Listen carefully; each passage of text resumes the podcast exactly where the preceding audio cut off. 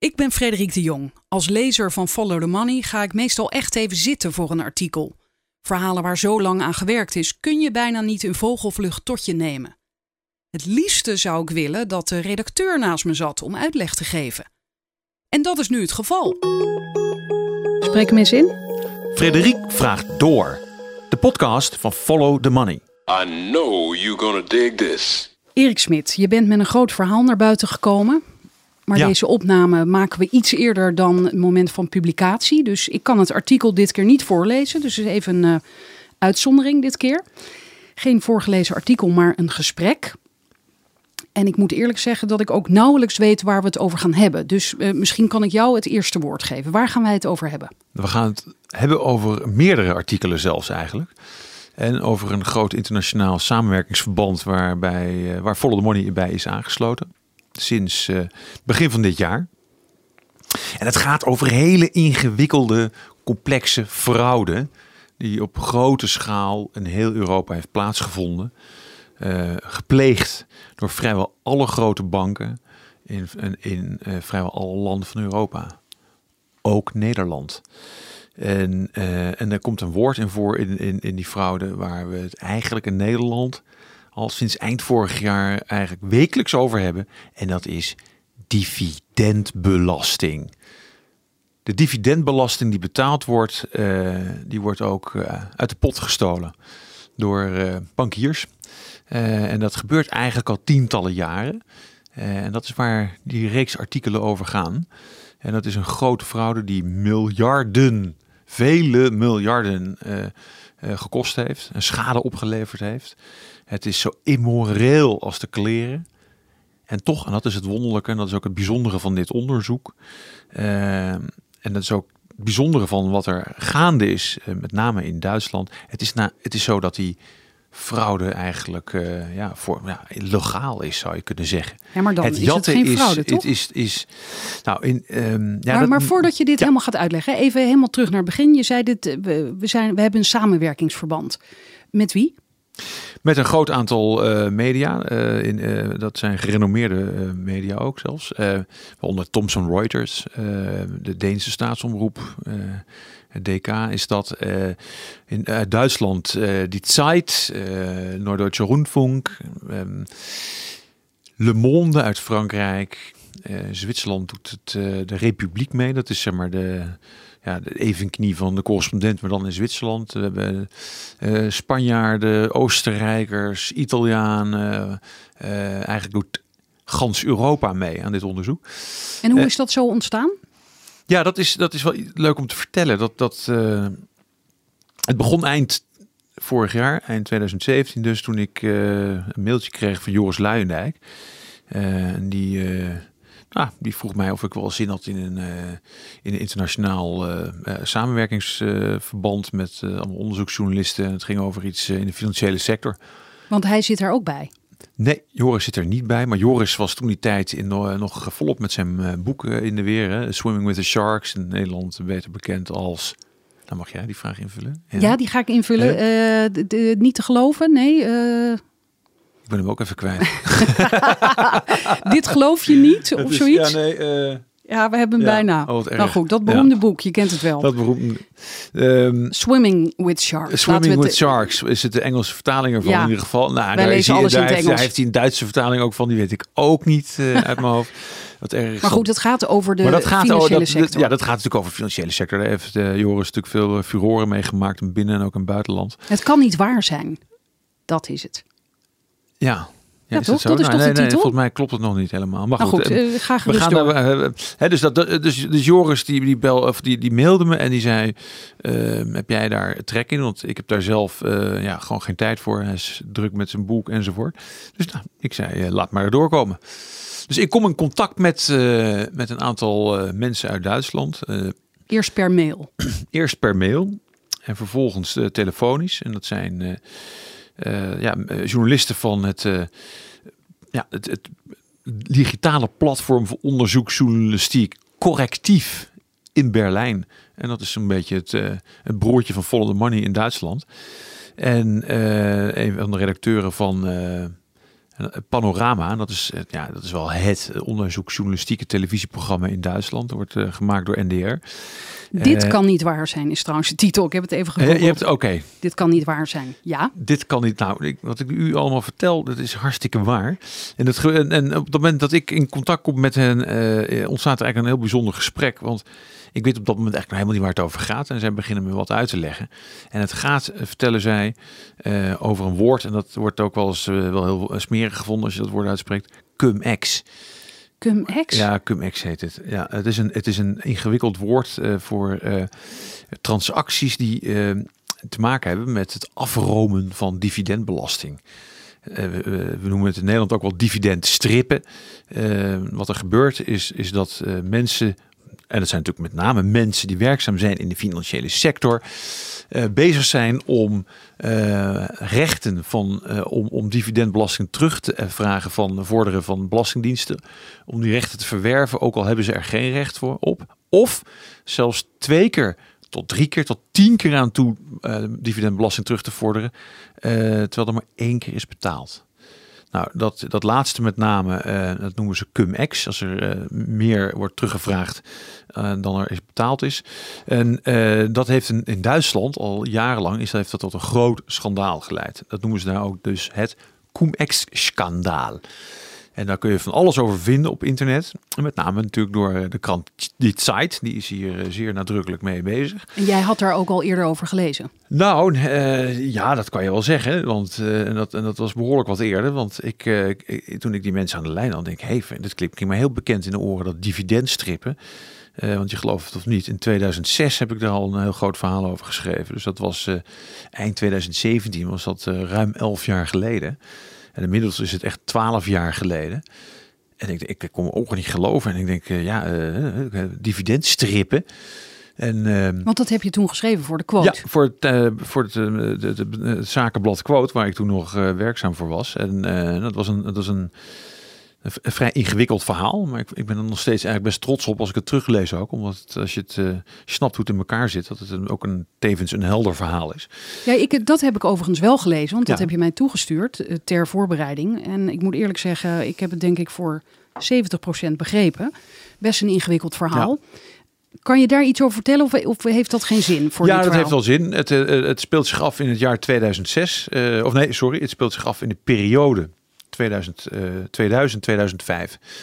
Eh, wanneer ik het verhaal maak, hebben we het over het jaar 2006. En dan heb ik het specifiek over een klokkenluider die bij de bank Fortis eh, nou, aan de bel is gaan trekken. En, en die klokkenluider, dat is eh een Stefan Stansiu. Dat is een, eh, een Roemeense Fransoos. eh, of een Fransoos met een Roemeense achtergrond. En, die is, dat is een zeer talentvolle zakenbankier. En die werkte bij de trade desk van het, Fortis onderdeel Global Securities Lending and Arbitrage. En dat onderdeel is natuurlijk nou, eh, gespecialiseerd in het uitlenen eh, van eh, aandelen. Om daar ook met die transacties winst te maken. En het lenen van, van, van aandelen. Dat kan dus ook al, Dat- uitlenen van aandelen. Zeker, als jij grote pakketten bezit, dan kan je die ook tijdelijk even uitlenen. Dat is allemaal, dat is al heel lang mogelijk in de, in de wereld van de, Dat is de dus ook niet raar. Dat is ook niet raar. Dat is helemaal geen raar iets. Ehm, Maar dan strijk je dus heel even voor mijn begrip, dan strijk je dus ook het dividend niet op of het verlies. Nou, dat kan je wel degelijk, want je blijft. eh, dan gaat even om de scheiding van het eh, juridische, eh, juridisch recht en het economisch recht. En, dan heb je tijd, lang heb je even een periode de tijd om een transactie te plegen met het geleende aandeel. Dan verwerf je ook weer rechten mee. En dat is nu waar het om gaat. Dat is eigenlijk helemaal geen recht wat er verworven wordt, want dan kan degene die dat aandeel geleend heeft, eigenlijk kan, kan ook dividendbelasting terugvragen. Zo moet je het eigenlijk. eh, Aha. dit is een simpele versie ervan. Eh, dat gaat nog over meerdere. Maar dit is, ik, ik, ik abstraheer even van de nog iets complexere werkelijkheid. Ehm, wat er dan gebeurt vervolgens is dus eigenlijk wat ik net al zei. Dus dat er eh, of een recht verworven wordt waar, waar iemand... eh, hè, bijvoorbeeld jij mag in Nederland helemaal geen eh dividendbelasting terugvragen. Een Brit bijvoorbeeld mag dat niet. Dat weten we sinds eh, drie kwart jaar. Die mogen dat niet. Die zijn aandeelhouder van Unilever. Nou ja, een klein aantal die kunnen dat niet verrekenen met hun eigen belastingopgave. Dan kan jij dat aandeel wat jij in bezit hebt aan mij uitlenen, zodat ik het wel kan doen. En dat, is dus in feite eh, een vooropgezette transactie. En dan, zo. ja, dan kan je de, en dan deel je de opbrengst en dan en dat kan zelfs over meerdere partijen gaan. Maar dan komen ze dus even tijdelijk op iemands anders naam te staan. Mhm. En die kan dus ook aantonen van kijk, deze aandelen zijn nu van mij. Ja, dat, dat, is, dat is nog wat ingewikkelder, want dat is niet een, een aantoonder, zoals dat heet. Eh, je hebt eh, op, op dat moment gewoon de beschikking over dat, eh, over dat, dat, die, dat, dat aandeel. En daarmee kun je, en dan heb je een serie en daarmee kan je, die dividendbelasting gaan terugvorderen. Dat is niet zoals het vroeger was, dat je een certificaat daadwerkelijk in handen hebt wat genummerd is of zo. Als het zo eenvoudig was, dan kon het precies die transactie teruggebracht worden naar de specifieke persoon. Maar dat is met, met het, huidige systeem in Nederland niet mogelijk. En ook in andere landen is dat niet mogelijk. Waardoor er inderdaad de mogelijkheid bestaat dat op hetzelfde aandeel waar één keer dividendbelasting op is eh, ingehouden, meerdere keren dat teruggevorderd. gevorderd. Wel nu, daar zit natuurlijk het frauduleuze in. Want een kind kan zelfs op zijn vingers natellen dat op het dat één persoon één keer belasting betaalt en er twee keer iets teruggevorderd wordt, diezelfde belasting, dat dat niet in de haak is.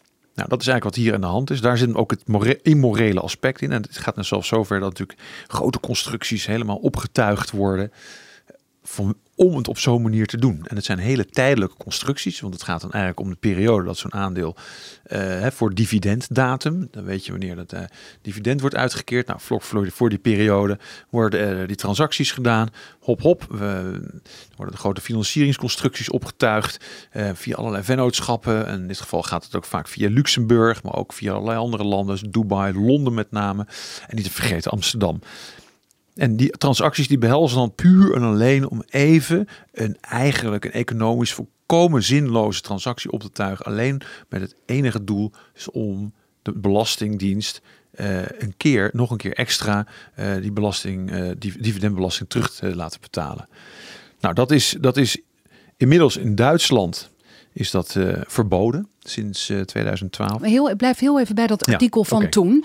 Want jij beschreef dit fenomeen toen. En die man die dus klokkenluider werd, die zelf Ja. dacht: ik vind het eigenlijk niet meer in de haak. Ja, die, eh, die kwam dat tegen. Dat gebeurde eind 2004. Dat eh, Stan Shu eh, eh, geluiden opving via, via zijn Londense connecties. Dat dit soort transa- transactie plaats, transacties plaatsvonden. Ook binnen de afdeling waar hij op werkzaam was. En dat klopte. Eh, sterker nog, de, de grote bazen van die afdeling die waren daar eh, vol mee bezig. En die verdienen daarmee voor de bank ook heel veel geld. Dan praat je echt over honderden miljoenen. Ehm, hè, dus dat was eh, eh, over een aantal jaar natuurlijk, hè, heb ik het dan. Maar, dat is, eh, maar wel ongelooflijk winstgevend. En, en, die, en die jongens die daar de baas waren, ook, en ook de andere medewerkers, verdienen ook enorme bonussen bij, dat af, bij die afdeling Fortis Global Securities Lending and Arbitrage, GSLA. Nou, die, die Stan Shu, die, die, die trekt aan de bel. Die denkt van ja, wacht eens even. Dit, dit, hier hier kan ik, eh, hier, kan ik niks mee. Dit, is, dit, dit deugt gewoon niet. Eh, en is daarmee ehm, eh, een melding gaan doen. En is ook in het heel kortstondig in het traject als klokkenluider terechtgekomen bij Fortis. Maar werd er binnen de kortste keren alweer uitgetikt. Ja, want het lijkt eerst in het verhaal dat die, dat er wordt letterlijk tegen me gezegd: heel goed. En we zullen je naar die afdeling eh, compliance doorsturen. En binnen een week of zo wordt hij ontslagen. Ja, binnen een week is hij, ligt hij op de, op de kei. Want dan wordt uh, gemeend uh, door, de, uh, door, door Fortis. Dan zien ze dat van ja, nou ja god, we denken dat, dat er niks aan de hand is. Dat, die, dat de transacties niet illegaal zijn. En, en ergo, je hebt onterecht aan de klok geluid. En nou ben jij binnen je afdeling onhoudbaar. Nou, toen heeft hij een verkoop gouden handdruk aangeboden gekregen van 250.000 euro. Maar zijn loopbaan bij Fortis werd daarmee hardhandig afgebroken. En nou, tegelijkertijd dat... kregen zijn collega's die wel bleven te horen dat ze niet met hem mochten praten. Ja, Nee, die, hij moest meteen de deur uit, mocht niemand, tegen niemand meer wat zeggen enzovoort. Nou, dit gebeurt in 2005. En dit wordt een slepende rechtszaak. Um, en die, uh, die heb ik, uh, ja, naderhand heb ik daar uh, ja, mijn hand weten te leggen op, op heel veel stukken die met, die met deze zaken te maken hadden. En ben ik gaan praten met al die mensen die er destijds mee te maken hadden. Binnen de bank, binnen, binnen, binnen Fortis dus en ook binnen die afdeling. En uh, nou ja, dan kom je er inderdaad achter dat, dat in die tijd, uh, dan praten we dus over 2006 dat ik dat onderzoek deed, dat die transacties in Nederland ja, gewoon ja, eigenlijk legaal zijn. Hoewel een kind op zijn vingers kan natellen dat het knijter immoreel is. Je loopt gewoon eigenlijk de Belastingdienst te, te tillen. En dat gebeurt maar niet. zonder dat de Belastingdienst het weet? Of wisten zij het wel en dachten ze, ja, maar het is niet illegaal? Ja, ze, we ze weten het, uh, maar ze, ze, kunnen het ook weer heel moeilijk traceren. Uh, in Nederland uh, weten ze dat het gebeurt. In Nederland is het nog erger, dan, ze, maar ze kunnen het gewoon niet zien. Ze, hebben, ze weten dat ze bestolen worden. Alleen ons informatiesysteem van onze, onze belastingdienst is niet in staat om dit op te sporen. Dat maakt ook dat, dat, dat de Belastingdienst in rechtszaken eigenlijk met zijn handen op zijn rug moet knokken om deze lui, deze bankiers, onder andere van Morgan Stanley, om die ja, te stoppen. Maar geldt dit dan ook bijvoorbeeld voor Engeland, dat je net als voorbeeld noemde? Hebben zij ook een, een systeem bij hun belastingdienst dat, dat onvoldoende. Nee, want in Engeland hoef je geen dividendbelasting te betalen. Dus dat is het, uh, het wonderlijke. Als wij die dividendbelasting inderdaad zouden afschaffen, dat is en dat komt door de eerste of de Tweede Kamer, het komt door de Eerste Kamer, dan, um, ja, dan, uh, ja, dan, dan los je daar dit probleem ermee op. Maar het is een beetje gek. Hè? Het is net alsof je een winkeltje hebt en je zegt, nou, ik wil niet meer dat er uit de etalage gestolen wordt. Weet je wat? Ik stop uh, met mijn hele winkel. Dat, is, uh, dat zou de logica Oké, okay, dan was dit een verkeerd voorbeeld, maar Duitsland dan Maar Duitsland, waar ja, wel dividendbelasting... Ja, Duitsland wordt zeker dividendbelasting betaald. En Duitsland is daar is de laatste jaren ontzettend veel gepikt. En uh, in zodanig dat dat, in, hè, dat, dat vertelde ik al, dat het in Duitsland uit is tot een enorm schandaal. schandaal. In 2016 zijn er grote journalistieke producties uh, mee gepaard gegaan. Het is uh, tot aan de Bondsdag doorgedrongen. Grote debatten gehad. En ook sinds een aantal jaar is Duitse justitie ook vol aan de slag om betrokkenen uh, tegen het hek aan te drukken. Met andere woorden, er wordt echt onderzoek, strafrechtelijk onderzoek gedaan naar uh, cum-ex, om, het zo maar te, om het zo maar te zeggen, of het dividendstrippen. Ook in Nederland. Want die, die bank, die Fortis Bank, dat afdelingje, wat overigens nog een keer werd omgedoopt naar Global Securities, nee, nee naar Global Finance, GS, GS Global nou, ik ben even de, de, de tweede. De, ze hebben de, de, de, afdeling omgedoopt. En uiteindelijk is hij helemaal anders gaan heten. Want in 2008, dat weten wij allemaal, is Fortis in de handen gekomen. Althans, de Nederlandse onderdelen van ABN Amro, de staatsbank. En toen was de staatsbank opeens eigenaar van wel een heel dubieus clubje. Notabene, de Nederlandse overheid was op dat moment eigenaar van een, van een trade desk, om het zo maar te zeggen. Een, een, een afdeling uh, die buitengewoon behulpzaam was om uh, buitenlandse belastingdiensten, uh, of belastingdiensten in het algemeen, te strippen. Ofwel ja, leeg te roven, zou je het ook kunnen noemen. Maar daar ging het toen niet over, want er was zoveel aan de hand dat dit er tussendoor is geglipt. Nou ja, dat ging. Dat, dat, dat dit, dit, is, dit zal Bos, uh, Bos en Balkan hebben. Uh, zullen het niet in de onderhandelingen meegenomen. Nee, dat zullen ze niet hebben gezien. Ik denk niet dat Dijsselbloem het heeft gezien. Uh, althans niet bij aanvang. maar niettemin, we weten inmiddels dat deze transacties nog behoorlijk lang zijn doorgegaan. Ook in de tijd dus dat de Nederlandse overheid eigenaar was van deze afdeling. Um, dus dat maakt het er nogal wel navrant. Uh, we weten ook dat uh, uh, er een, een verzoek is uitgegaan naar de Nederlandse justitie. dat noem je een rechtshulpverzoek. om ervoor te zorgen dat er een inval plaatsvond bij ABN AMRO. Een verzoek vanuit wie? Vanuit Duitse justitie. Het, de, het, het, het, het, het officier van justitie in Keulen heeft dat gedaan. Dat is een 44 jaar oude dame. Anna Brohilker. En die, uh, dat is een, uh, een zeer daadkrachtig officier. En die heeft uh, een, een, een, heel veel landen in Europa invallen laten proberen laten plaatsvinden. Er is een aantal landen gelukt. In Nederland lukte het niet. Want in Nederland is er keurig een afspraak gekomen. En hebben ze de bank van tevoren ingelicht. En zijn er van tevoren e-mailwisselingen geweest. Enzovoort. Oh. enzovoort. Om ze En- te waarschuwen. Om ons te nou waarschuwen. ja, dat gebeurt. Hè. Dus op het moment dat justitie denkt, nou, een inval is wel een heel bruske methode. Om, eh, hè, dat betekent gewoon echt dat je gewoon met eh, de field gewoon naar binnen gaat. Van, hè, op klaarlichte dag. Hop, een bus komt voorrijden. Dan komen die mannen eh, pakken met, met die letters field op de rug. Komen er man of twintig, komen zo even je bank binnenhollen. En die halen, nemen alle computers mee. En nou ja, die nemen van alles mee. En eh, het was een 51 pagina tellend rechtshulpverzoek, wat een enorme lengte is. Met zeer specifieke details over de spullen die eh Duitse justitie wilde hebben. Eh, dus ze konden precies weten waar ze wat mo- eh, konden gaan zoeken dan in ieder geval. En nu vraag jij je natuurlijk af, hoe weet jij dat Erik? Hoe weet je dat, Erik? Ja. nou, dat is natuurlijk het voordeel van de internationale samenwerking. Want nog even voordat je daar verder over vertelt. de- Toen jij dat verhaal had gemaakt voor Quote, dacht jij toen zelf: dit is een op zich staand verhaal. Ik ga nu weer verder met allerlei andere onderwerpen. Of heb je het ook, ben je het blijven volgen? Nee, ik ben het niet blijven volgen. Nou ja, op, althans op, op een hele grote afstand. Ik eh, belandde in het jaar eh, eind, eind. Nou, eigenlijk dat was mijn laatste verhaal bij Quote eigenlijk dat ik dit schreef. Dat is het septembernummer van Quote. Ik ben in oktober ben ik eh, overgestapt naar eh, Dagblad de Pers. En eh, Toen En ik heb- je nog ik heb- bij mij in de ja. radiostudio, hè, bij Mediazaken. Ik weet nog dat ik je toen eh, best wel een arrogant mannetje vond. oh ja, nou, ja, dat, was onze eerste ontmoeting. Nee, Arrogant, inmiddels heb ik een heel ander beeld van je. Ja, oké. Daar maar hebben we het later over. We hebben later. en je moet niet mijn arrogant imago nou verprutsen. Hey, eh, maar wat er toen gebeurde is inderdaad, ja, eh, 2006. Ik ben het een beetje uit, eh, uit oog verloren. En gek genoeg, het is natuurlijk heel wonderlijk als ik eh, in 2006 iets schrijf. En, en eh, in Duitsland zelfs komen ze pas jaren later achter eh, dat, dat dit echt aan de hand is.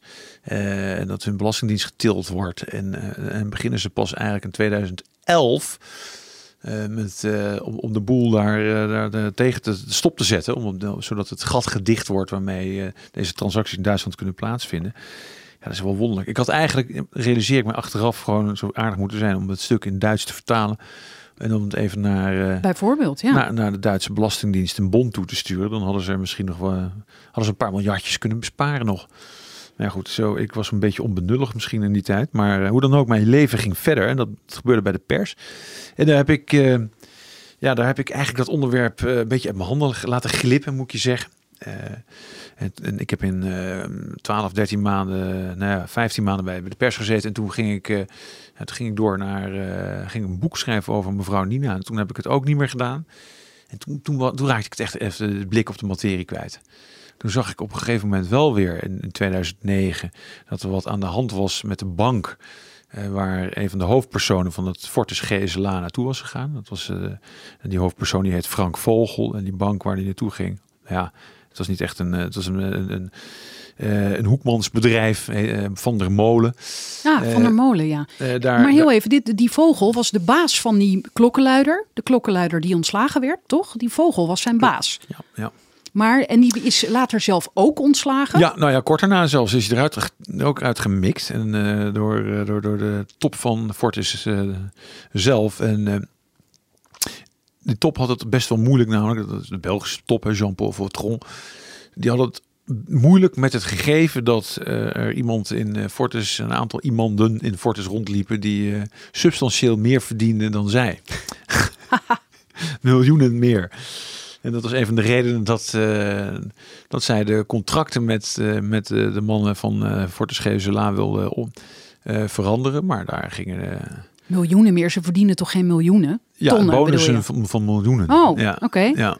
Oké, dus die, die zijn ook ontslagen. En maar die die vogel konden eruit. kwam dus ergens anders terecht. kwam, eh, bij Van er- der Molen. Ja, nee, van, die begon toen op een gegeven moment eh, zijn eigen hut, GSFS. eh, Na Van der Molen dus. na van, ja. na, nee, na, na Fortis. Oké, na zijn eigen Fortis, hub. ja. En daar ging mee ging hij samenwerken met Van der Molen. Nou, dat, dat kwam nog even in mijn blik, blikveld, omdat in 2009 het bedrijf Van der Molen roemloos ten onder ging. En ik, hé, hey, eh, wat is wat eh, gebeurd? Nou, die vogel is er ook bij betrokken. Nou, en toen ontglipte mij eigenlijk weer jarenlang. Ik zag hier daar nog wel een stuk in het Financiële Dagblad. Maar ik was met andere dingen bezig, natuurlijk met het eh, eh, eh, bedrijf Follow the Money en het onderwerp. Ja, ik had het ook eigenlijk helemaal niet meer in het blikveld op het buitenland. Ik had het niet meer. Het, het, was op een gegeven moment weg. Totdat ik eind 2017 dus door Joris uh, Luijendijk werd gemaild. En weer midden in, in, eh, in, het, in de materie terecht kwam. Oké, en zoals je net vertelde, eerst ging je per e-mail, had je contact met al die journalisten in die Europese landen. En toen hebben jullie elkaar ook ontmoet. Ja, nou ja, ik had toen nog alleen nog maar contact met, eh, met twee Duitsers. Ja. En uh, een, een, daarvan, Oliver Schreum, dat is de, degene die dit hele project eigenlijk leidt. Dat is even de, uh, ja, is de, hoofdredacteur zou je kunnen zeggen van uh, Correctief in Berlijn. Het heeft ook nog een vestiging in Düsseldorf. En dat is, een, ja, dat is wat ik zeg, een, een soort van evenknie van Follow the Money. het is ook een, een onderzoeksjournalistiek platform. iets anders georganiseerd. niet, niet zoals bij ons met dat het helemaal commercieel is. Het zijn zij nog wel op een soort van stichting, een stiftung. Maar we, wel op eh, basis van betalende leden, oftewel donaties vooral. En, maar een super goede club, heel professioneel, uh, zeer bevlogen. En, Hoeveel uh, leden hebben zij? Minder dan wij. Ja? Ja. Follow the Money heeft er nu acht, ruim 8000? Uh, Follow the Money heeft op het moment dat wij spreken nu 8700 leden zo'n beetje. Hmm. En zij hebben daar ongeveer een derde van. Hmm. Dus dat is gek hè, zo'n groot ja, land, Duitsland. Inderdaad. Ja, vind ik ook. Maar dat komt ook omdat in Duitsland de kranten nog niet zulke grote klap hebben gehad als, eh, als in Nederland. Je hebt daar echt nog hele stevige journalistiek en, en, die redacties zijn, zijn ook niet echt ingeklonken. Dus het is op zich een, uh, is het ook wel enigszins te begrijpen. Maar dat correctief, dat is een ontzettend goed uh, clubje. En wat is er gebeurd? Zij hebben de handen weten te leggen op een, op een lek ook, een leak, zou je zo tegenwoordig zeggen natuurlijk, waarbij eigenlijk in één klap een hele berg informatie in de handen is gekomen van uh, een groep uh, onderzoekers. En, uh, en zij waren degene ook al die in, in, in, in, in 2016 samen met die site en NDR al aandacht had besteed aan, aan dit fenomeen van het dividendstrippen. En het Comex-schandaal eigenlijk hebben losgemaakt in Duitsland. En zij dachten van nou wacht eens even, dit is, is zo groot nu. En het gebeurt ook in andere landen we gaan hier een uh, internationaal project van maken. En uh, nou, dat hebben ze eind uh, 2017 gedaan. Dat ook onder aanvoering trouwens van de Denen. collega's uit Denemarken die hebben met een vergelijkbaar probleem te maken. daar wordt ook de, de, de, belasting gestript op een nog veel gruwelijkere wijze. Daar zal ik zo iets over vertellen. Dus die waren er ook al vol mee bezig. En nou, die ontmoeten elkaar natuurlijk. En toen eenmaal dat lek kwam met al die, al die informatie, toen zeiden ze van nou, dan, moet dit maar een Europees project worden. Eigenlijk zoals de Panama Papers of uh, de Paradise Papers. Wat minder groot. Het gaat nu om tientallen journalisten uh, in plaats van honderden, zoals bij Panama Papers. Maar niettemin, het is een stevig internationaal gezelschap. En het is echt ja, heel intensief hoe wij met elkaar werken. En we hebben al ja, echt talrijke ontmoetingen gehad in Berlijn iedere keer weer uh, gaan we daar naartoe. In de met, rokerige achteraf kamertje? Nou, geen rook. Nou, hoewel beneden hebben ze een kroeg en dan kan je naast uh, een goede Weizen uh, kan je ook nog gewoon roken. doen ze Duitsland niet zo moeilijk over. Vertel eens, dan zitten jullie daar met al die uitgeprinte documenten of gaat het digitaal? Nee, nee of, dat gaat allemaal digitaal. Nee, dat is allemaal. Uh, dat wordt helemaal met een uh, met met met uh, met beveiligde Codes verbindingen, en, met, virtual. Maar ik kan me voorstellen dat jij er echt handen wrijvend aankwam in Berlijn. Ah, dat is natuurlijk prachtig. Sowieso is het die stad die vond ik, ik, ik was kwam pas voor het eerst 2010. kun je nagaan. Ik echt heel laat, het was in mijn leven eigenlijk voor het eerst in die stad aan gearriveerd. Het heeft een enorme indruk ook op mij, mij gemaakt in die tijd. En uh, nou, acht jaar later kom ik terug, uh, in januari uh, van dit jaar, 2018. En nou, het was, het was, ja, het was, het was prachtig. Het, het, het, kantoor dat ze, waar zij zitten, dat zit vlakbij het Alexanderplatz. Dat is ook die plek waar die hele grote naald staat. Hè? Ja. Fernsehturm. Dat is die oude Oost-Duitse uh, televisietoren die, die de Oost-Duitsers precies op de grens met uh, Oost en West hebben gepleurd om indruk te maken natuurlijk op uh, de West-Duitse broeders. Ehm, en, en, het, en het oude en het, kan, en het kantoor, dat, dat zit in een, een soort van, ja, een van de weinig oudere huizen die in dat stadsdeel nog overeind staan. En ja, het loopbaar vanaf dat Alexanderplatz. Uh, nou, daar kwam ik dus aan op een avond en dan kijk je om, ook omhoog, weet je wel. Met als een beetje een jongetje ook. Oh, ja, wat een mooie, mooie, mooie toren. En uh, nou, het was echt ook de opwinding de volgende ochtend. Die, die, die, die, die ontmoeting die plaatsvindt. En die journalisten die bij elkaar komen. Voor het eerst natuurlijk dat ik die kerels ontmoet. De hand schudt, Oliver Schreu met naam. Kerels? Er zijn alleen maar mannen? Nee, nee, nee, zeker niet. Nee, er zijn ook meerdere vrouwen betrokken, gelukkig. En, uh, maar toevallig is het zo dat inderdaad uh, de, de twee leidende figuren in het onderzoek inderdaad twee Duitse mannen zijn. Um, dus en, en nou, dat, dat was gek. En dan krijg je, nou, dan wordt het, het verhaal wordt uitgelegd in het begin. Met een, de groep was toen nog eigenlijk niet zo groot als nu. Dus inmiddels uh, denk ik 30, 40 procent groter geworden de afgelopen drie kwart jaar. Um, en ja, dat, dat, dan begint het. En dan, ja, dan wordt er ook verteld van wat, wat, wat er is. En dat is natuurlijk ook heel spannend. Je wordt aangesloten op, op de techniek, op de database, op dit hele beveiligde netwerk, wat, je, wat internationaal is aangelegd op allerlei manieren om encrypted met elkaar te communiceren. En natuurlijk, je krijgt een soort inleiding in van wat je weg te vinden in, in die database. Wat er te vinden is en wat voor soort documenten erin zitten. En, en het blijkt, bleken vooral heel veel documenten te zijn uit. Uh, uit, uh, ja, uh, van, van justitie. En, het, een compleet strafdossier bleef erin te zitten. Bleek erin te zitten. En onder andere, met, met onder andere ja, dus documenten over invallen in, in allerlei landen. Dus er is een lek Nederland. geweest in bij de Duitse justitie. Ja. Maar ja, de Duitse justitie communiceert natuurlijk over zijn inval met de Nederlandse overheid. Met de Nederlandse justitie uiteindelijk. En met de FIOD, Belastingdienst. En dus ja, die stukken die heb ik allemaal in bezit. Ja, dat is wel heel leuk. Alles, alles erop en eraan. Naam, toenaam, wie, wanneer, tijdstip, alles, alle, alle details. En dat is echt uh, heerlijk, is dat. Dat is echt dat je of je. Nou ja, waarmee zou ik het vergelijken? Alsof je eigenlijk als een, uh, na een, een hele barre winter op een tropisch strand komt of zoiets. weet je wel? Zag je daar ook al namen voorbij komen die je nog uh, van tien jaar geleden kende? Of? Zeker, ja. Ja, ja? ja nou ja, goed. Uh, in dat strafdossier komt natuurlijk ook weer die naam uh, meneer Vogel voor. Maar ja, het is natuurlijk nog veel groter. Het is, het is ook zo dat je ziet dat er ja, dus dat, de, dat betrokkenheid van, uh, van ABN AMRO. En wat natuurlijk heel apart is natuurlijk, omdat het een staatsbank was op dat moment en, en nog steeds voor een deel is. Uh, en dat het natuurlijk eigenlijk iets behelst wat het, ons, waar die, die staatsbank eigenlijk zijn bestaan aan, eigenlijk midden, midden aan ont, ontleent. Hè? Dus dat, dat die zijn gered door belastingbetalers. En die belastingbetalers worden eigenlijk... Dubbel genaaid. Door diezelfde banken weer getild dus worden in 2008 worden ze gered door die belastingbetalers, de belastingdiensten natuurlijk ook. En om welke bedragen gaat het dan? Ja, het gaat echt om miljarden. In Duitsland uh, is er uh, in de variant dat er, uh, nou, wordt er ongeveer over 30 miljard gesproken. Per? Dat of is dan over de laatste 20 jaar. 30 miljard. 30 miljard, oké. Nou, dat is een redelijke treinroof. Ja.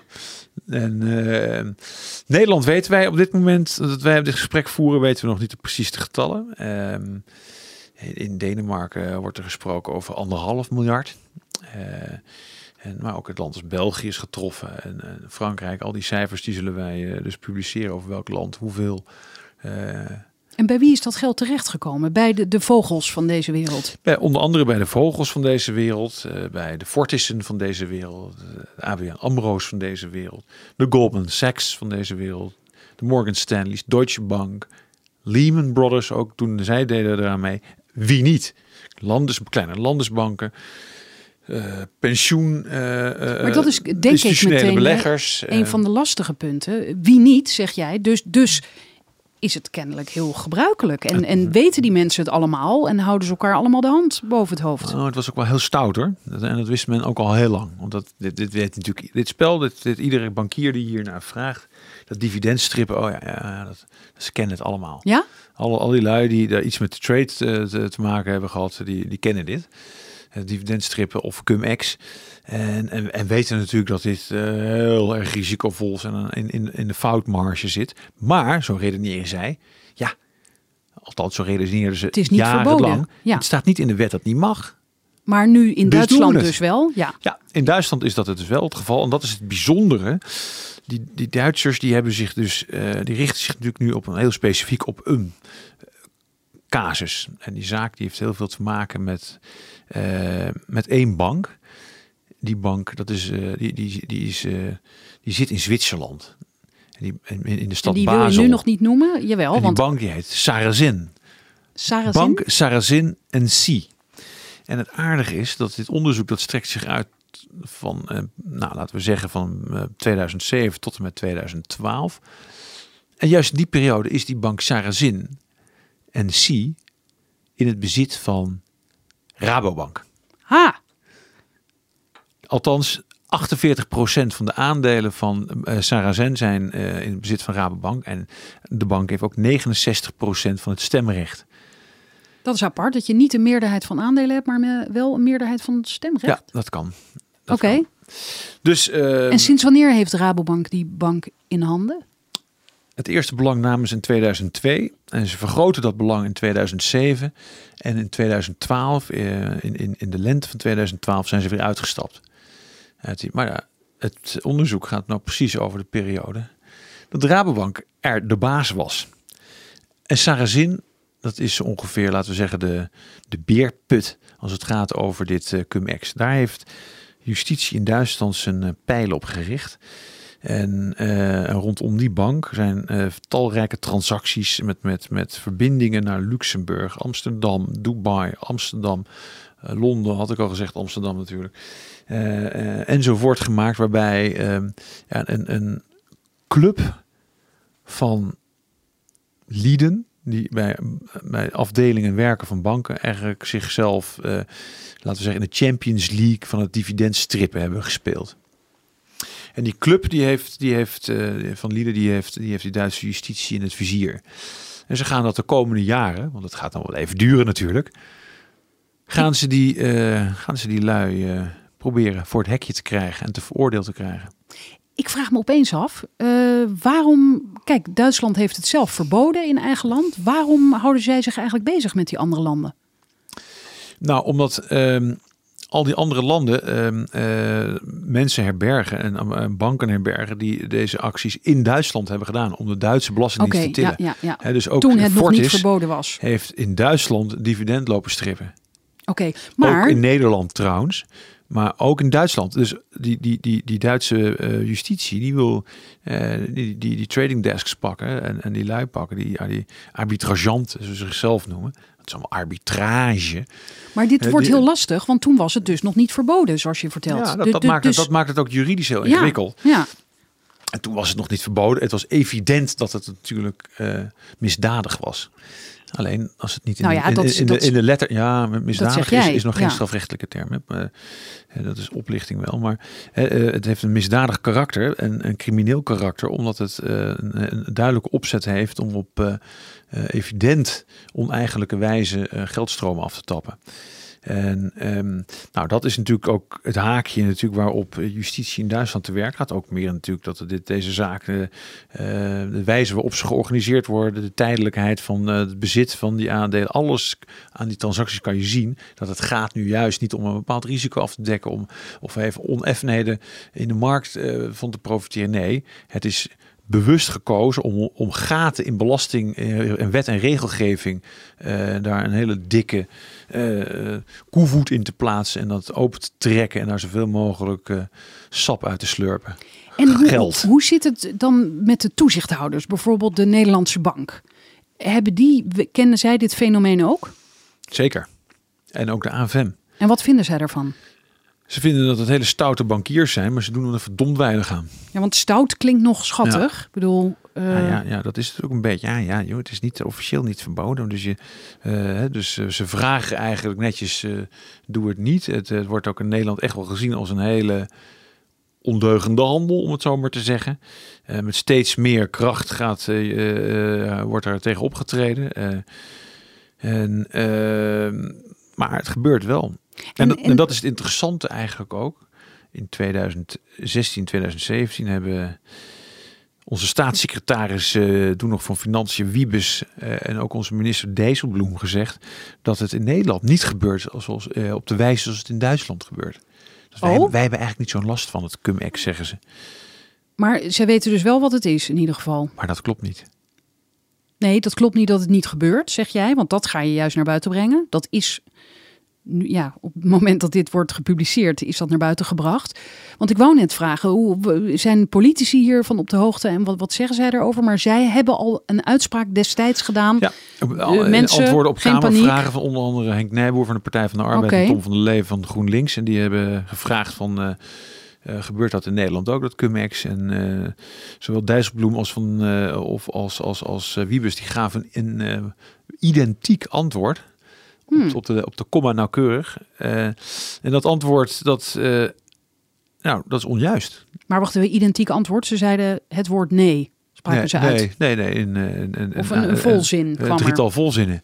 Oh, dus, dus dat leek erop dat het werd ingegeven nee, dat is, door... dat is duidelijk ingegeven door, eh, door de achterkant natuurlijk. En uh, het ministerie van terwijl, Financiën. Terwijl, je zei heel even hoor, want uh, hoezo zouden politici zeggen... Uh, stel, stel dat dat zo is, het is ingefluisterd. Nee, wij, wij gaan zeggen dat het niet zo is. Maar de Nederlandse staat heeft hier toch last van zij hebben, dit gaat ons toch allemaal aan? Dit willen we toch niet? Of, of wel? Nee, dat wil je niet. Je wil niet dat je voor honderden miljoenen of miljarden bestolen wordt. Maar waarom zouden Dijsselbloem en Wiebes dan... Nou, dat heeft met twee redenen te maken. Als gezegd, we, we zitten hier ver voor de... Uh, voor onze publicaties. Een aantal dingen die staan ook bij ons nog open. Uh, op het moment dat ik deze uitspraken doe. Dus uh, maar wat is er aan de hand? We weten eh, in ieder geval al door, een, eh, door, door meerdere bronnen, uh, directe bronnen, dat de Nederlandse Belastingdienst bijvoorbeeld niet in staat is met zijn automatiseringssystemen oh ja, ja, ja, om te zien dat dit, deze transacties echt daadwerkelijk plaatsvinden. Ze kunnen er de vinger niet goed op leggen. Hetgeen hen onmogelijk maakt, de Belastingdienst onmogelijk maakt om in, in, in rechten deze lui achter de, achter, de, achter de broek aan te zitten. Want wie stelt, moet bewijzen, tenslotte in Nederland. Althans, dit, dat zou natuurlijk makkelijk omgedraaid kunnen zijn worden, deze, als, als daar wetgeving voor organiseren. Maar dat is niet zo op dit moment. Dus uh, met andere woorden, uh, de Nederlandse Belastingdienst die bakt uh, er in rechtszalen weinig van. Dus voor zover ze er überhaupt achterkomen dat het gebeurt. Hè, dus dat is al heel belangrijk. Dus in die zin zou het serieus nog kunnen dat Dijsselbloem en Wiebes toen dachten dat het niet gebeurde? Nee, dat is oh. niet waar. Nee, we weten echt al sinds uh, uh, eind jaren negentig dat dit in Nederland ook gebeurt. En ook in, uh, in het dossier wat wij hebben, en ook in mijn oude dossier van, uit, uit 2006, blijkt ook dat in Nederland cum-ex-transacties worden gepleegd. Ook door dus de Nederlandse vestiging van Fortis. Het oude Mees Pierson, wat sowieso uit de ABN AMRO schoot komt. En dit stoute afdelingje komt dus weer terug in de schoot van uh, ABN AMRO. De staatsbank inmiddels in 2008. En hoe gaan jullie dit nu, al die journalisten in die landen, wat net noemde je ook Fransen, Italianen, Denen enzovoort, Duitsers. Hoe gaan jullie dit aanpakken, de publicatie? Wie, wie doet wat? Nou, we, gaan, we, hebben, we hebben natuurlijk, ieder land heeft zijn eigen publicaties. En, en, en kijkt natuurlijk naar zijn eigen financiële systeem. En, en hoe erg het. Uh, uh, A, hoe erg Cumex in het eigen land heeft het plaatsgevonden? Vindt het nog steeds plaats? In welke mate? Uh, dat zijn de grote leidende vragen voor ieder, ieder afzonderlijk land. dan hebben we natuurlijk het grote verhaal. Natuurlijk, dat, het gaat over hoe, in welke mate heeft dit in Europa plaatsgevonden? Hoe groot is het? Nou, we weten inmiddels dat, dat het veel groter is dan we ooit hebben gedacht. Dat is wat een van de belangrijke uitkomsten van dit onderzoek ook. In Nederland, zoals ik net al vertelde, wordt het helemaal gedownplayed. Of zeg maar, het gebeurt hier eigenlijk niet. Nou, dat is gewoon niet waar. Klopt niet. Uh, het gebeurt hier, het heeft hier ook plaatsgevonden. Ik weet op dit moment, als ik dit zeg, nog niet dat het ook nu nog op dit moment nog plaatsvindt. Maar tot zeer recente datum is dat in ieder geval wel het geval geweest. En uh, nou, in, in, verschillende Europese landen uh, weten we dat het, uh, dat het nog steeds plaatsvindt. Dus dat is, Want die hebben kennelijk kunnen spreken met bankiers die ja, nu nog dit soort ja, transacties... Dat is nog niet 100% zeker als, het, als nu ik dit zeg, maar het is zeer, zeer waarschijnlijk dat dit, deze transacties in iets andere vorm nog steeds plaatsvinden. Nou, dat, dat is dat zijn allemaal onthullingen natuurlijk die, die uh, ja, dat is niet, niet iets wat je zegt voor nieuwsuur. Hè? Wat wel onthullend is, is natuurlijk dat onze staatsbank, die gered is uh, door belastingbetalers, betrokken is natuurlijk bij grootschalige uh, ja, dividendarbitrage, om het zo maar te zeggen. En, ehm, en dat die staatsbank daar in 2014, dat hij daarvoor eigenlijk eh, op, op, op het laatste moment een, eh, dat er een inval wordt vermeden bij die staatsbank. Ik, dan neem ik je even mee terug naar eind 2014. Dat zegt jou misschien niet zo heel veel. Maar dat is wel het moment dat er in Nederland een voorbereiding wordt getroffen om eh, de bank, de staatsbank, ABN AMRO, naar de beurs te Ja. laten gaan. Ja. Nou, dat is natuurlijk niet zo fijn op het moment dat de Duitse justitie bij je aanklopt of een inval doet. Wat dacht je dat er Fiat-mannetjes dan eh, op straat eh, hadden? Wat voor een toneel dat was geweest als die Maar daadwerkelijk... goed, eh, ja, maar jij vertelde net dat omdat de Duitse justitie van tevoren heeft gewaarschuwd, konden ze. Wat is er toen eigenlijk gebeurd? Zijn toen. Nou ja, niet gewaarschuwd. Kijk, zo'n rechtshulpverzoek, dat de, dien je in. En dan wordt er naar gehandeld door, in, door inzicht natuurlijk ook van de Nederlandse justitie. En eh, ook de Belastingdienst. En nou, wat voor zaak is dit? En er is dus eh, besloten om niet eh, een, inval te laten plaatsvinden. Dat is wel in andere landen bijvoorbeeld wel gebeurd. Bijvoorbeeld bij dat die bank Sarazin, waar ik het over had. Eh, nou, dat is, een, dat is een keuze, dat is een aanpak. En is, is Nederland het enige land waar dat op die manier gegaan is? Eh, dat, nee, dat denk ik niet. Nee, dat er zijn wel meerdere landen waarbij, eh, dat weet ik niet zeker op dit moment. Eh, een goede vraag van je, maar dat weet ik niet. Eh, maar het is, het, is, het is niet heel geheel ongebruikelijk. Dat just, eh, officieren, of dat, dat zeggen dat rechtshulpverzoeken niet eh, eh, tot, tot, laten zeggen, tot een inval niet meteen 100% ook op die manier worden uitgevoerd. Het kan gewoon. eh, En heeft die officier in Duitsland dan nog, nog vervolgstappen? Of is het dan ook meteen klaar? Van Nee. rechtshulpverzoek? Nee, sorry, doen we niet. Oké, doei, bedankt. nee, dat, sterker nog, het is nog steeds gaande. Wat is nog steeds gaande? De informatie die Duitse justitie van ABN AMRO wil hebben, is, eh, die, is die, die, die, die, die verzoeken, eh, die liggen er nog steeds voor een belangrijk deel. Oké, Daaruit kan je opmaken dat ABN AMRO niet heel erg lekker meewerkt. nee. En een deel van die informatie die eh, justitie nodig heeft, is dus bij jullie beland. Ja, nou, eh, een deel van de informatie die. Nee, het is wel zo, het is zo dat een deel van de informatie die eh, justitie eh, heeft opgevraagd bij ons. Wij, wij, wij weten dus in feite wat, wat Duitse justitie heeft opgevraagd. En, ehm, maar we weten ook wel meer, omdat wij toevallig ook al wat langer hier onderzoek hebben gedaan. En op onze manier ook weer op een andere manier kijken naar de feiten. En Duitsland, de Duitse officier van justitie, heel duidelijk natuurlijk haar vizier scherp heeft gesteld op die zaak die te maken heeft met die bank in Zwitserland. Het heeft natuurlijk niet zin om het hele grote visnet over heel Europa uit te gaan gooien. Om dan allerlei, alle banken en alle personen die iets met cum-ex te hebben gemaakt, eh, te maken hebben gehad om die eh, eh, in de kraag te vatten. Dus je kiest er een paar uit. Ze kiest er een paar uit die, daad, die, die daadwerkelijk zeer betrokken zijn geweest met transacties via Sarazin. Of via gelieerde vennootschappen.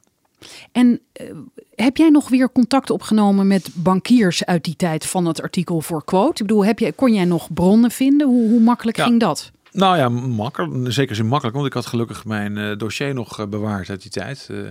voor, voor het belangrijkste deel. Een aantal dingen heb ik ook niet meer. Maar, dus ik weet heel veel namen en adressen wist ik, wist ik allemaal nog wel. Ja, dus daar kon ik ook mee in contact treden. Maar zijn dat mensen die nog steeds aan het handelen zijn? Of wat doen die hele andere dingen? Het zijn nog steeds mensen die in de financiële sector actief zijn. Of net zijn gepensioneerd. Of, eh, eh, maar nog steeds in de financiële sector actief. Ja. En, en konden zij jou vertellen dat het nog steeds gaande is? Ehm, ehm, nee, daar kan ik geen antwoord op geven nog. Oké, maar die, want die ik vraag, die, die- ja, nee, dat hoop zit, je eh, natuurlijk. nee, ja, ik, ik zit om tussen jou en mij, maar eh, moet je maar even knippen. Nee, wij zitten natuurlijk net voor de confrontaties eh, die wij gaan plegen de komende weken met, eh, met, eh, met die bronnen. Dus alles aan het opzamelen. Ja. Dus die confrontaties gaan nog plaatsvinden. Dus dat eh, op basis van de stukken kunnen we dat niet zeggen nog. Dus ik heb al die namen en adressen, eh, dat zijn natuurlijk heel wat. Dus die gaan we allemaal. Oké, nou dit, dit hoeft helemaal niet tussen jou en mij, want dit mag de luisteraar volgens mij gewoon weten. Wij nemen dit een tijdje van tevoren op. Ja, dat is ook alweer zo. Eh, Laten we dus, gewoon transparant zijn, Erik. Er is al zoveel geheim in de wereld. Nou, nee, maar kijk, je moet natuurlijk wel eh, als journalist natuurlijk ook wel. eh, eh, Nee, maar je bent, het is gewoon work in progress. het Er is er is work in niks progress. geks aan. Progress, ja. Heb jij die eh, klokkenluider uit je eerde, eh, eerste verhaal nog gesproken? Die heb ik nog niet, die heb ik nog niet weten te traceren. Hmm. Die is echt. Ik vermoed dat hij eh, ook door die vervelende ervaring daar eh, in die tijd eh, ja, uit de financiële sector is gestapt en heel iets anders is gaan doen. Ehm, maar daar ben ik nog niet achter waar die, waar die uithangt. Ik heb zijn oude advocaat heb ik wel weer benaderd, maar die wist het ook niet. En zijn vriendin benaderd. Die, en, Die wist ook niet waar die was. nou, dat is nog even het geheim, want vriendin die praat, die is niet zo happig blijkt om met, met mij Hmm. in contact te treden. Dus nou hebben daar wat meer mensen last van. Maar eh, Ik ben eigenlijk de enige die met je wil praten. dat, ja. Ja. En, en even nu, oké, dus als mensen dit eh, luisteren, dan is het allemaal naar buiten gekomen. Ongeveer rond 17 oktober. Hè? Ja, nou ja, kijk, we, we gaan een aantal verhalen maken, een, een serie van verhalen. En het eerste verhaal gaat natuurlijk eigenlijk over de, de, de, de, de grote omvang van de fraude in heel Europa. Daar beginnen we mee. Eh, we hebben natuurlijk een heel veel bijzondere bronnen, ook in Duitsland, eh, eh, die, die eh, in, in, in, in het verhaal zullen voorkomen. En, en daar gaan, daarna gaan wij natuurlijk heel snel naar kijken wat, wat de betrokkenheid is van Nederlandse instituten, CQ mensen. En nou, dat heb je al uit mijn verhaal kunnen horen. Dat, die, die mag er zijn. Ja. Heb je ook nog tijd voor iets anders? Of is dit echt. Jawel, nee, kijk, dit is, ik heb jaarlijks één project waar ik echt met mijn tanden in, in zet. Heb ik mezelf gegund als journalist. Dat was vorig jaar eh, Henri Keizer. En dit jaar is het eh Cumax. Oftewel dividendstrippen. Dividendstrippen. Nou zijn we net met z'n allen, wij, de toehoorders, de burgers, gewend aan de dividendbelasting. Hè, we weten nu bijna allemaal wat dat is. En eh, waarom we het niet moeten afschaffen. Tenminste, daar is bijna iedereen van overtuigd. Ehm, gaat dit, komt dat straks in de schaduw te staan van dit verhaal, denk je? Nou, ik denk dat het, het, het afschaffen van die dividendbelasting, dat dat, dat, dat een, een, ook een, een hele andere component heeft. Namelijk is dat, dat je daarin heel go- goed terugziet hoe, wat de invloed is van, eh, van, van het, het, multinationale bedrijfsleven, de corporates, op, op, eh, op een heel klein clubje politici. In Nederland eigenlijk maar één man, Mark Rutte, die eigenlijk eh, in zijn eentje bepaalt dat deze belasting wordt af, afgeschaft. En ik denk dat dat eigenlijk vooral de trigger is bij heel veel mensen. Dat ik, ja, we weten natuurlijk al lang dat, dat globalisering plaatsvindt, dat grote bedrijven machtig zijn, enzovoort, enzovoort. Maar nu wordt er iets gedaan. A, op een manier dat het natuurlijk helemaal niet eh, democratisch eh, eh, wordt besloten. Namelijk niet via verkiezingsprogramma's bekend wordt gemaakt dat eigenlijk dit hele issue speelt. En dan, en dan wordt het uiteindelijk overeengekomen door het, onder de leden van het kabinet. En dan blijkt er gewoon geen enkele argumentatie voor te zijn. Dat zijn twee belangrijke onderdelen waarom dit zoveel opwinding veroorzaakt. Kijk, hier is iets anders aan de hand. Hier wordt op grote schaal. Ehm, eh, die, die, diezelfde financiële sector maakt zich eh, eh, schuldig aan op grote schaal het strippen van Die verrijkt zich, die, sector. Die verrijkt zich echt op gruwelijke wijze. Ehm, Oh ja, nu zeg je het woord gruwelijk. Dan moeten we zo ook nog even over Oh. Denemarken. Want jij zei net, daar is Oh ja. op een nog veel gruwelijker wijze aan de hand. jij, jij, jij, jij klikt daarop omdat dat woord. daar, ja, nee, dat klopt. Daar ga ik zo meteen nog iets over Ja. vertellen. En, en, en dus dat, dat, dat, dat, dat heeft een iets andere component. Hè? Dus het, is, het gaat hier echt weer om een onrecht. Ik vind het zelf persoonlijk eigenlijk fascinerend om te zien dat banken die net door belastingbetalers zijn gered. eh à la minuut met de dag, eh, eh, met de werkelijkheid van de dag doorgaan. Dat betekent dus ook gewoon weer dividend strippen. Het, is, het, heeft, het heeft een cynisme, is dat. Dat is mij echt. ja, dat is echt het is fascinerend. Het is gewoon, en dat, daar- dat lopen gewoon echt mensen in de, bij de banken rond die dit allemaal weten. Weten dat dit gebeurt. En hoe kijken die mensen zichzelf toch in de spiegel aan, Frederik? ik weet het ik, niet. Ik weet het niet. Het Die, die spiegel is doorzichtig, denk ik. Ze kijken, het is een ruit. Ze kijken naar buiten in de verte of ja, zoiets. nou ik ja, weet het ze vinden niet. dat ze gelijk hebben, want het is... eh, ja, Het is niet illegaal. Het, is niet illegaal. Het staat toch in de wet, nou, moet- je dan? Nou, dat, ehm, dus dat, dat, dat, dat maakt mensen ook boos. Dat je, Nee, maar gaat het eh, eh, dus dat andere debat overschaduwen, denk je? Of zijn het Nou, gewoon twee hele losse verhalen? Ik, het, het zijn toch wel voor het groot deel losse verhalen, maar ehm, om, dit, dit heeft natuurlijk veel meer met gedraging van de financiële sector te maken. Eh, we hebben natuurlijk net, eh, dit wordt opgenomen in postperiode van de, de, verjaardag van de ondergang van Lehman. Ja, de verjaardag. Dus ja. hè, ja. we hebben dat, eh dat tienjarige, hè, de tweede lustrum hebben we met z'n allen in Nederland eh, en ook in het buitenland natuurlijk Ja. bijna gevierd, maar in ieder geval heel veel herdacht. Ja. Er is veel over geschreven, is veel over Met de vraag, wat hebben we wat, eh, geleerd? Wat hebben we Nou, geleerd? En, en, en gedragen banken niks. zich nu anders? Nee. Nee. Het antwoord Maar- is nee, het is echt heel erg gewoon. Maar ik bedenk me nu wel, Rutte en, eh, en omgeving zullen zich hier wel over moeten uitspreken als Ja. dit naar buiten komt. En zij, de Nou ja, politici, de zullen minister toch. van Financiën, Hoekstra, die zal iets moeten gaan zeggen. Want eh, zijn voorganger, eh, die had het, laat het zomaar zeggen netjes, bij het verkeerde eind. Ja, En de staatssecretaris zal er ooit aan toe willen voegen. eh, staatssecretaris Financiën, dus... eh, ik neem niet aan dat zij zullen zeggen, eh, alleen maar zullen zeggen, nou mensen, het is niet illegaal, dus wij keuren het goed. Dat kan niet, Nee, toch? het, zij zullen gaan zeggen dat het, een, dat het toch wel een borst, best wel een fors probleem is. En vermoedelijk zullen ze zeggen dat ze het onderschat hebben. Of een, op een andere manier, met de kennis van nu weten we dat, Oh ja. enzovoort, enzovoort. De kennis van nu. Het, is, het is inderdaad een, eh, enorm probleem. Het, is een, eh, het, kost eh, ja, de, schatkist ontzettend veel geld. En het, het, het, het, het, het ergerlijke is natuurlijk dat er gepikt wordt, maar op een plek waar je eigenlijk niet in de gaten hebt dat er gepikt wordt. Gepikt. Het gaat van een hele grote berg af. En eigenlijk heeft niemand echt door hoe, hoezeer we bestolen worden. Hè, dat noem je dan ook eh, horizontale fraude. Op het moment dat jij, jij direct, laten we zeggen, eh, eh, iemand, bij iemand iets afneemt, laten we zeggen een nieuw blouseje, en dat blijkt gewoon een, van een van de nepgaren gemaakt te zijn, dan weet je dat je getild wordt. Dat is dan direct voelbaar, je bent ook direct benadeeld. Dat is, dat is verticale fraude.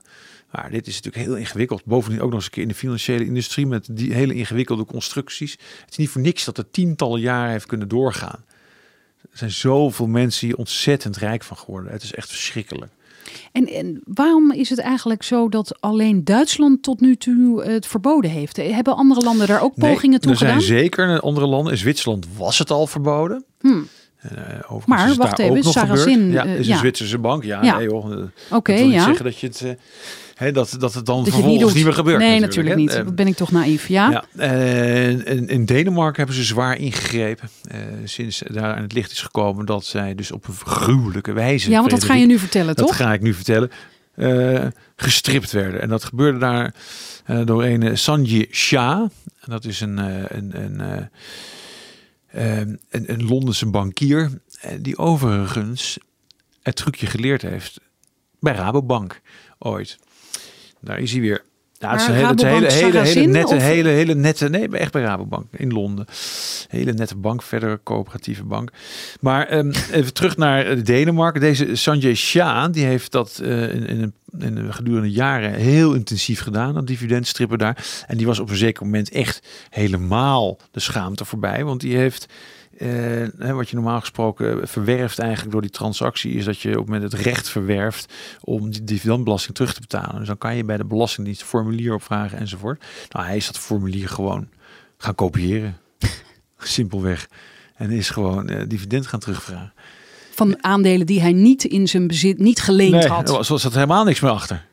Dat is, dat, is, dat is dus gewoon maar daar is men ingetrapt. En eh, nou, daar zijn ze achter gekomen natuurlijk. En eh, nou ja, dat, is, dat heeft in Denemarken ook een enorme rel opgeleverd. En eh, ja, onze Deense collega's, dat is ook altijd wel ja, boeiend om te zien. Het is de, de verontwaardiging ook over de omvang en de brutaliteit van die fraude. En wat ook wel eens interessant is dat zo'n zo'n zo'n Sja, dat hij eh, als hoofd, een van de grote hoofddaders, eh, dat hij dat hij ook eh, heel actief is op eh caritatief gebied. Is of was? Ja, was. Want hij, hij heeft nu wat, wat hete adem in zijn nek, voelt hij. Hij zit nog niet vast. Hij zit nog niet vast. Hij woont in Dubai. En, dat, en daar zijn geen uitleververdragen mee. Hè. Zo gaat dat. En dan is die voor niks dat Dubai zo'n heerlijk oord is voor de financiële sector. Ik denk dat ze zo meteen allemaal zitten. Maar ehm, Dubai is dus betrekkelijk veilig nog. En daar in Dubai, eh, omdat die... eh, omdat die eh Sja een zoon heeft die wat mankeert heeft, die een eh, autistisch is, heeft hij eh, een grote feesten georganiseerd om, om autisme ook weer geld op te halen om autisme te kunnen bevechten. Autism Rocks.